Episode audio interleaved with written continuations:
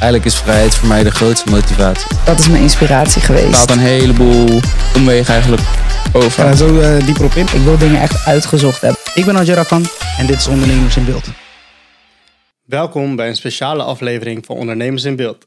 Vandaag draaien de rollen om, want onze gebruikelijke podcasthost Van Rukken neemt plaats op de gaststoel in onze eigen Rukken Studios. Hij heeft het bedrijf opgebouwd en vandaag gaan we dieper in op het verhaal achter Rukken.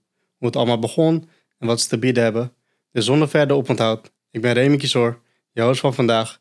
En vandaag verwelkom ik onze eigen podcasthost, maar dit keer in de rol van gast, Ajay Rukken. Welkom Ajay, in je eigen studio. Bedankt. Ik ben blij om hier te zijn. Hey, eh, zou je een korte intro kunnen geven over jezelf en over het bedrijf Rukken? Eh, ik ben Ajay Rakkan. Ehm, ik ben begin van het jaar ben ik het bedrijf Rakkan gestart. Eh, toen zijn we Rakkan Studios gaan oprichten. En eigenlijk wat Rakkan doet is eh, we helpen andere bedrijven bij hun zichtbaarheid, hun online zichtbaarheid. En dat doen we door middel van design, video en fotografie. En eh, ja, Rakman Studios was gewoon een eh, toepasselijke tweede move om te maken, omdat we dan hier ook kunnen filmen. En wat inspireerde je om Rukken op te richten? Ik zat hiervoor natuurlijk in vaste dienst. En ja, op een gegeven moment was dat zaadje was dat geplant. En toen dacht ik van, ik zou het wel echt heel tof vinden om eh, mijn eigen bedrijf te hebben. En eh ander soort projecten te draaien. Eh, wel in het verlengde van wat ik al deed. En ik denk dat wij ook wel echt het verschil kunnen maken daarin. Om mensen te helpen in hun on- online zichtbaarheid. Nou, ik ken je al een beetje qua designs, et cetera. Alleen, ja, waar ik echt benieuwd naar ben, is waarom deze podcast? Het was eerst een idee. Ik dacht van, ik wil gewoon graag meer leren over, over eh, ondernemers, eh, andere ondernemers, hoe zij bepaalde dingen doen. Ik vind het zo interessant en ik vind die verhalen zo interessant. Eh, hoe mensen bepaalde keuzes maken eh, in hun bedrijf. En als je dat dan ziet groeien, ja, dat, is gewoon fantastisch. Dat, eh, en daar wil ik gewoon meer over weten. En toen dacht ik van, nou, daar wil ik misschien wel een podcast over maken. Ik wil daar echt wel in gesprek over gaan. En ik denk, ehm, toen ik met vrienden sprak en familie en ik, ik dat idee een beetje. Uh, toen zeiden ze van, eh, vooral met eh, andere ondernemers die ik ken, vrienden van mij. ehm, die zeiden van, ja, dat zou echt tof zijn. Want dat mensen daar echt veel van kunnen leren. Normaal gesproken heb je natuurlijk, eh, als je in vaste dienst zit, dan heb je vaak ehm, een senior waarvan je leert. Je hebt, een, je hebt een manager waarvan je leert natuurlijk. Dus je hebt die lagen eigenlijk. En bij een ondernemingschap heb je andere bedrijven. En als je dat dan samen kan brengen, ja, dat is toch tof. En eh, wat kunnen je klanten van je verwachten? Ehm, nou, wij helpen hun in hun online zichtbaarheid. Ehm, en wij nemen ze eigenlijk mee eh, in heel het proces. Dus echt stap voor stap. Je moet opeens denken aan je branding. Je moet opeens gaan denken aan hoe wil ik mezelf eigenlijk naar buiten natuurlijk presenteren. Ik heb een website nodig. Ik heb, ik heb, ik heb foto's nodig eh, voor mijn website. Ik wil eh, een, to- een toffe ad hebben. Eh, je moet zoveel nadenken over hoe je naar buiten wil komen. Ehm, en wij nemen je daar eigenlijk stap voor stap mee. Ehm, en daar ondersteunen we je gewoon in. En wat vind jij bijvoorbeeld een heel tof project waar je aan hebt gewerkt? Een, een tof project waar je dat ook wel terug in ziet is, ehm, eh, was voor een Italiaanse restaurant, Casaresio. Ehm, daar zijn we ook begonnen als, ja, het was gewoon eerst een logo. En vervolgens eh, is dat echt heel mooi eh, uitgebreid naar gewoon, wij doen heel de branding nu van, van. En de cherry on top in dat, in dat verhaal was, ehm, eh, afgelopen jaar zijn ze genomineerd voor be- beste 10 eh, in, de, in de top 10 van de beste Italiaanse restaurants van Nederland. Ehm, door de Ita- Italian Magazine. Ehm, ja, dat is dan echt heel tof. Want kijk, ze kijken naar servers, ze kijken naar ehm, het eten zelf natuurlijk. Ehm, maar ze kijken ook naar hun branding, hoe ze naar buiten komen. En dat is gewoon tof, want dan weet je dat je daaraan hebt meegewerkt. En het is gewoon een eer om daaraan te mogen meewerken. Alright, Eh, ja, zoals je al zegt, eh, was het een tof project voor jou. Ehm, nou ja, er zullen vast wel dingen zijn die ook minder goed zijn gegaan. En niet per se in dat project, maar überhaupt obstakels. Hoe ben je daarmee omgaan? Nou, een van de obstakels die ik had, en zeker in het begin was dat. ehm, ik ben natuurlijk een creatief. En eh, voor Origin ben ik een creatief. En bij ondernemingschap hoort ook hoe, dan, hoe, hoe, hoe vervelend het ook is, hoort ook zakelijke kant. En dat was wel echt een obstakel voor mij. Dat was wel echt even van, eh, ja, daar moest ik wel even echt aanpoten. Omdat ehm, je hebt natuurlijk gewoon je creatieve gedeelte. En daar voel je je comfortabel en dan voel je je goed. En daar kan je gewoon kilometers maken. Met het zakelijke gedeelte, dat moet ook op orde zijn. Want als dat niet op orde is, dan gaat dat hoe dan ook het creatieve ook beïnvloeden. Het gaat het project beïnvloeden. En een groot obstakel natuurlijk is, is dit. Is, is, is het, eh, Ineens voor de camera.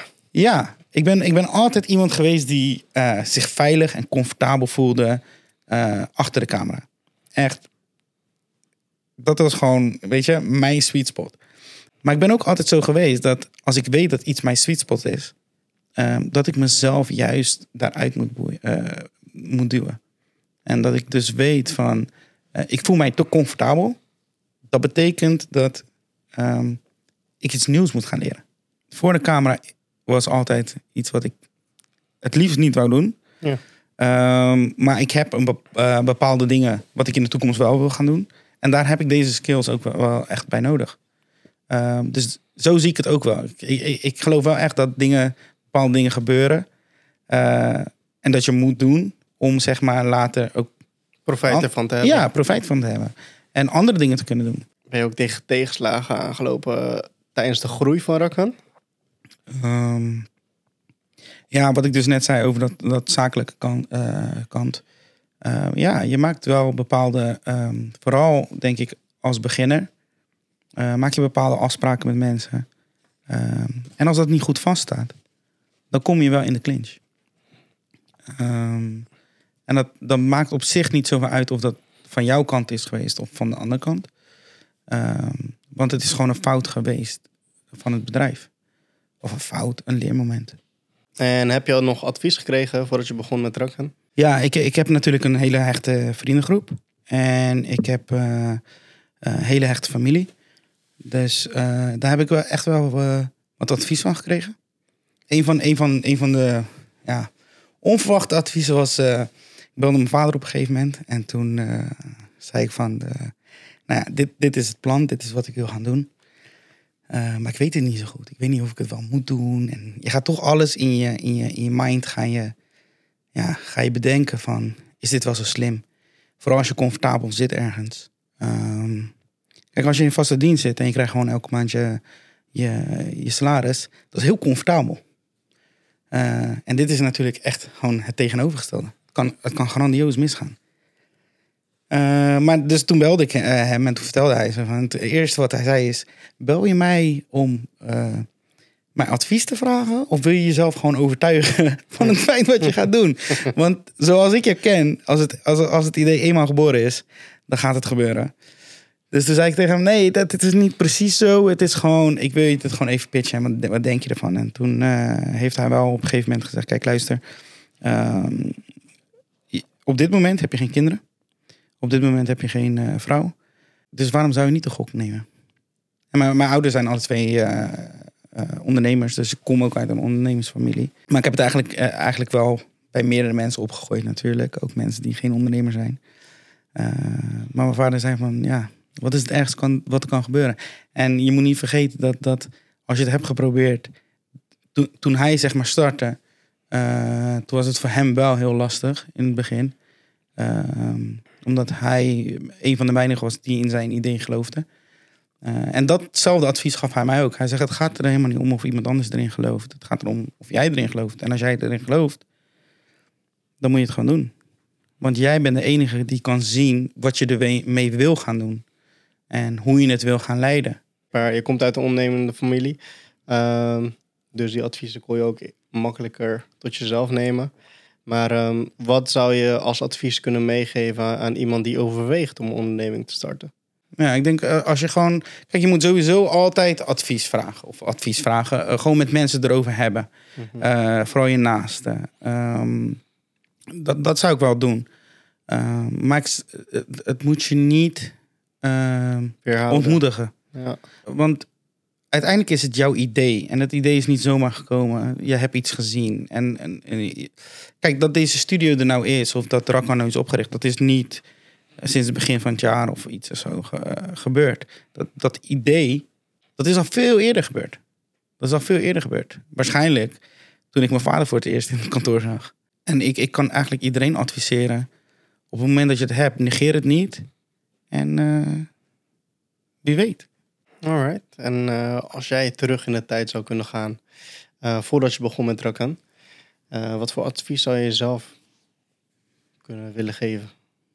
Geniet. Geniet van elk moment. Ook mindere momenten. Ehm, kijk, een advies wat... eh, dat is weer een beetje anders. Maar eh, een tijdje terug eh, ging, ik een, auto kopen. En een vriend van mij... Die vertelde mij van... weet je wat nou het mooiste moment is van een auto? En toen zei ik... Nee. En toen zei hij van... Het moment dat je denkt... Ik wil een auto hebben. En vanaf daar, zeg maar, tot het moment dat je de auto hebt gekocht. Want je gaat namelijk denken over die auto van, wat voor auto wil ik hebben? De, de, de, de banken moeten van leer zijn bijvoorbeeld. Of eh, je moet eh, een display hebben, een touchscreen. En dat is gewoon heel tof. En je blijft daarover denken eigenlijk. Hetzelfde is met een onderneming. Je blijft erover over denken. Nou, het ding is, op het moment dat je de auto koopt... dan zal het niet heel lang duren. Of nou, niet lang. eh, ja, je hebt hem op een gegeven moment. En dan is het oké. Maar die dromen eigenlijk, dat is zo waardevol. Daar moet je ook van genieten. Daar moet je ook echt daadwerkelijk van genieten. En dat is het ding wat, wat, wat, wat ik wat minder heb gedaan eigenlijk. Ehm, ik, ik wou het bedrijf en ik, ik was echt ready to go. En ik wist precies wat ik in de studio wou. Ehm, in, toen, toen ik nog in vaste dienst zat, had ik, had ik al een paar studio's gebouwd. En dat was, ja, eh, ik wist precies wat erin moest. Dus dat was niet. En ik wist ook precies hoe ik deze studio wil hebben. Uh, maar ik heb heel weinig ervan genoten. Ik weet nog heel goed dat, ik, dat, ik, dat er niks in deze studio stond. En dat ik uh, dacht van, uh, ik wil de muren wil ik zwart hebben.